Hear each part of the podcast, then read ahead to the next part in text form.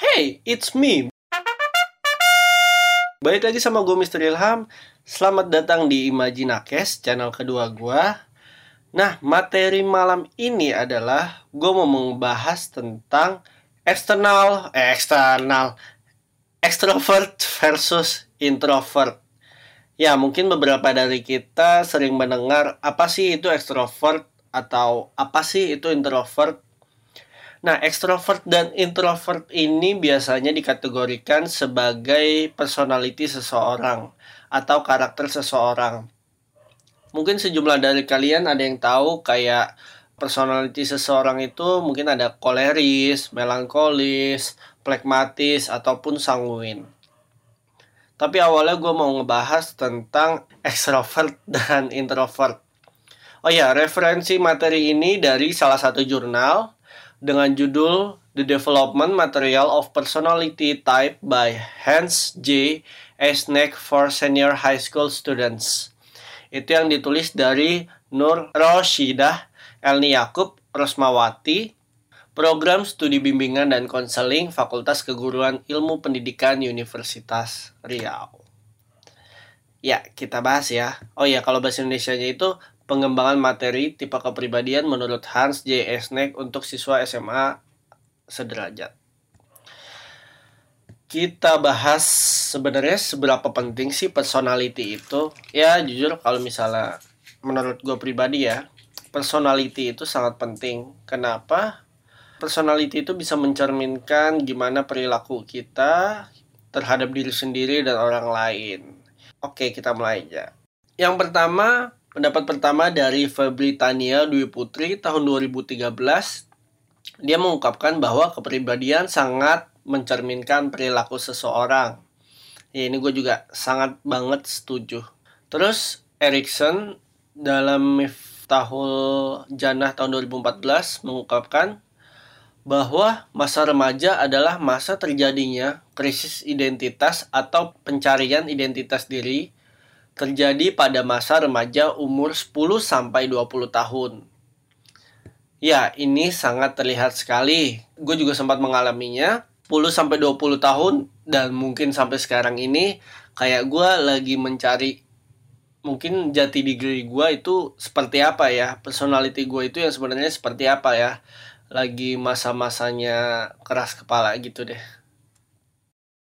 terus Fatima Saguni tahun 2012 Isu yang penting dalam masa remaja melibatkan perkembangan identitas. Mencari jawaban untuk pertanyaan-pertanyaan, siapakah aku? Siapakah diriku seutuhnya? Apa yang akan aku lakukan dengan hidupku? Pertanyaan-pertanyaan yang tidak biasanya dipikirkan selama masa anak-anak menjadi persoalan yang universal. Hmm, sayangnya di media Indonesia ini banyak banget anak-anak yang kekurangan kontrol. Ya, dalam ada sedikit fenomena yang cukup mengecewakan juga ya. Di mana anak-anak belia itu kalian pasti tahu kasus pedofil yang Candy Candy itu Candy Loli Loli gue nggak terlalu mengikutinya sih tapi intinya itu penjahatan kriminalitas terhadap usia bawah. Sangat disayangkan ketika mereka mencari jati dirinya tapi masuk dalam lingkungan yang salah. Oke, okay, next. Nah, si Esnek ini di dalam penelitiannya dia telah menemukan dua dimensi dasar kepribadian, yaitu introvert dan extrovert. Yang dari awal tadi gue jelasin, dikatakan introvert jika sikap kesadaran individu mengarah ke dalam dirinya sendiri. Ya simpelnya kita lebih memperhatikan diri kita sendiri. Sedangkan ekstrovert adalah sikap kesadaran yang mengarah keluar dirinya, yaitu kepada alam sekitar dan manusia lain. Awal penjelasan dari Esnek itu menjelaskan bahwa introvert lebih ke dalam diri sendiri dan extrovert lebih keluar. Intinya in itu ke dalam dan X keluar. Selanjutnya si Esnek ini mengatakan introvert dan extrovert merupakan dua kutub dalam satu skala. Kebanyakan individu akan berada di tengah-tengah skala tersebut, tidak bisa digolongkan. Ya awalnya sebelum baca jurnal ini gue merasa bahwa gue adalah orang yang ekstrovert. Namun terkadang gue juga mikir kayaknya nggak ekstrovert ekstrovert banget deh. Terkadang gue juga sering banget merasakan bahwa gue adalah seorang yang introvert. Namun jurnal ini yang menjelaskan bahwa ekstrovert dan introvert itu dalam satu skala tapi nggak bisa digolongkan. Ya misalnya ekstrovert 50 eh 40 persen, introvert 60 persen dan sebaliknya tergantung kondisi. Nah, ini yang menarik. A-Snake juga bilang bahwa ekstrovert memiliki 9 sifat. Ingat ya, 9 sifat. Kalau kamu dalam sifat ini, mungkin di personality kamu ada yang namanya sifat atau perilaku ekstrovert. Yang pertama, lincah. Yang kedua, asertif gue belum tahu sih arti asertif itu apa kalian bisa cari di Google yang ketiga mencari sensasi ya mencari sensasi. Yang keempat riang. Yang kelima bersemangat dan berani. Sebentar deh. Oh iya. Selanjutnya adalah impulsif. Sebentar. 1, 2, 3, 4, 5, 6. Jadi lincah, asertif, mencari sensasi, riang, bersemangat, dan berani. Terus, extrovert memiliki sifat yang impulsif, senang bercanda, penuh gairah, cepat dalam berpikir, serta optimis.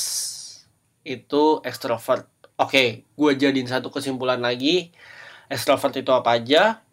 Lincah, asertif, mencari sensasi, riang, bersemangat, berani, memiliki sifat impulsif, senang bercanda, penuh gairah, dan cepat dalam berpikir serta optimis. Sedangkan menurut Ace, siapa sih? Aisen. Aisen cek. Aisen. Introvert kebalikan dari extrovert yaitu siap-siap ya catat pendiam pasif ragu-ragu banyak pikiran penurut pesimis penakut berhati-hati tertutup penuh perhatian dan damai. Nah kalau misalnya simple di dalam sosial si Esen ya Esen Esen. Gue kayaknya salah baca sih tadi. Esen itu mengungkapkan bahwa sebagai uh, ekstrovert itu merupakan sebagai individu yang cukup ramah dalam pergaulan, sangat memerlukan kegembiraan dan cenderung ceroboh. Ya bagi kamu yang cukup supel terus just wanna having fun and cenderung ceroboh ya kamu mungkin termasuk orang yang ekstrovert. Sedangkan individu dengan kepribadian introvert itu memiliki sifat yang tenang, ya tenang-tenang jadian gitu. Suka mawas diri, pemikir, cenderung mudah stres, kurang percaya pada keputusan yang impulsif, lebih suka hidup teratur, suka murung, khawatir, kaku, sederhana, tenggang hati, terkendali, dapat diandalkan, menguasai diri, dan selalu berusaha mempertahankan sifat-sifat baik untuk diri mereka sendiri. Uh, cenderung perfeksionis gak sih? Hmm. Next. Nah, habis itu ekstrovert juga digambarkan sebagai pribadi yang mudah bergaul, mempunyai banyak teman, ya intinya supel. Terus si Om Sulianto tahun 2011 menyatakan bahwa di dalam kaitannya dengan intensitas penggunaan jejaring sosial, individu ekstrovert itu cenderung memiliki orientasi untuk bergaul, mencari hiburan, mencari teman, mencari orang lain untuk menjadi lawan bicara, sehingga intensitas penggunaan jejaring sosial semakin tinggi. Intinya gini, kalau misalnya teman-teman itu menemukan, atau teman-teman sendiri ya, menemukan bahwa di sekitar kalian itu ada teman-teman kalian yang kasarnya kutip dua cerewet banget di media sosial itu kemungkinan orang yang ekstrovert ya balik lagi nggak ada yang bisa digolongkan bisa dia extrovertnya lebih tinggi bisa dia introvertnya lebih tinggi. Nah kalau introvert ini senang melakukan kegiatan membaca buku bisa lewat internet atau mencari informasi mengenai buku-buku atau artikel-artikel yang ada di internet. Nah gue mau menjelaskan adalah yang tadi ya kata peneliti ini sangat ya gue bisa bilang absahannya tinggi karena dibilang tidak bisa digolongkan yang mana gue merasa ekstrovert ketika gue orang yang cukup cerewet di media sosial. Tapi gue juga merasa introvert ketika gue suka membaca buku dan membaca lewat artikel gitu. Nah pembahasan kali ini mungkin itu aja sih. Kalau misalnya pengalaman gue gimana sih? Ada satu cara ya? Kayak pengen tahu gue ini ekstrovert atau introvert Sebenarnya mudahnya kalian tanya aja ke teman sekitar.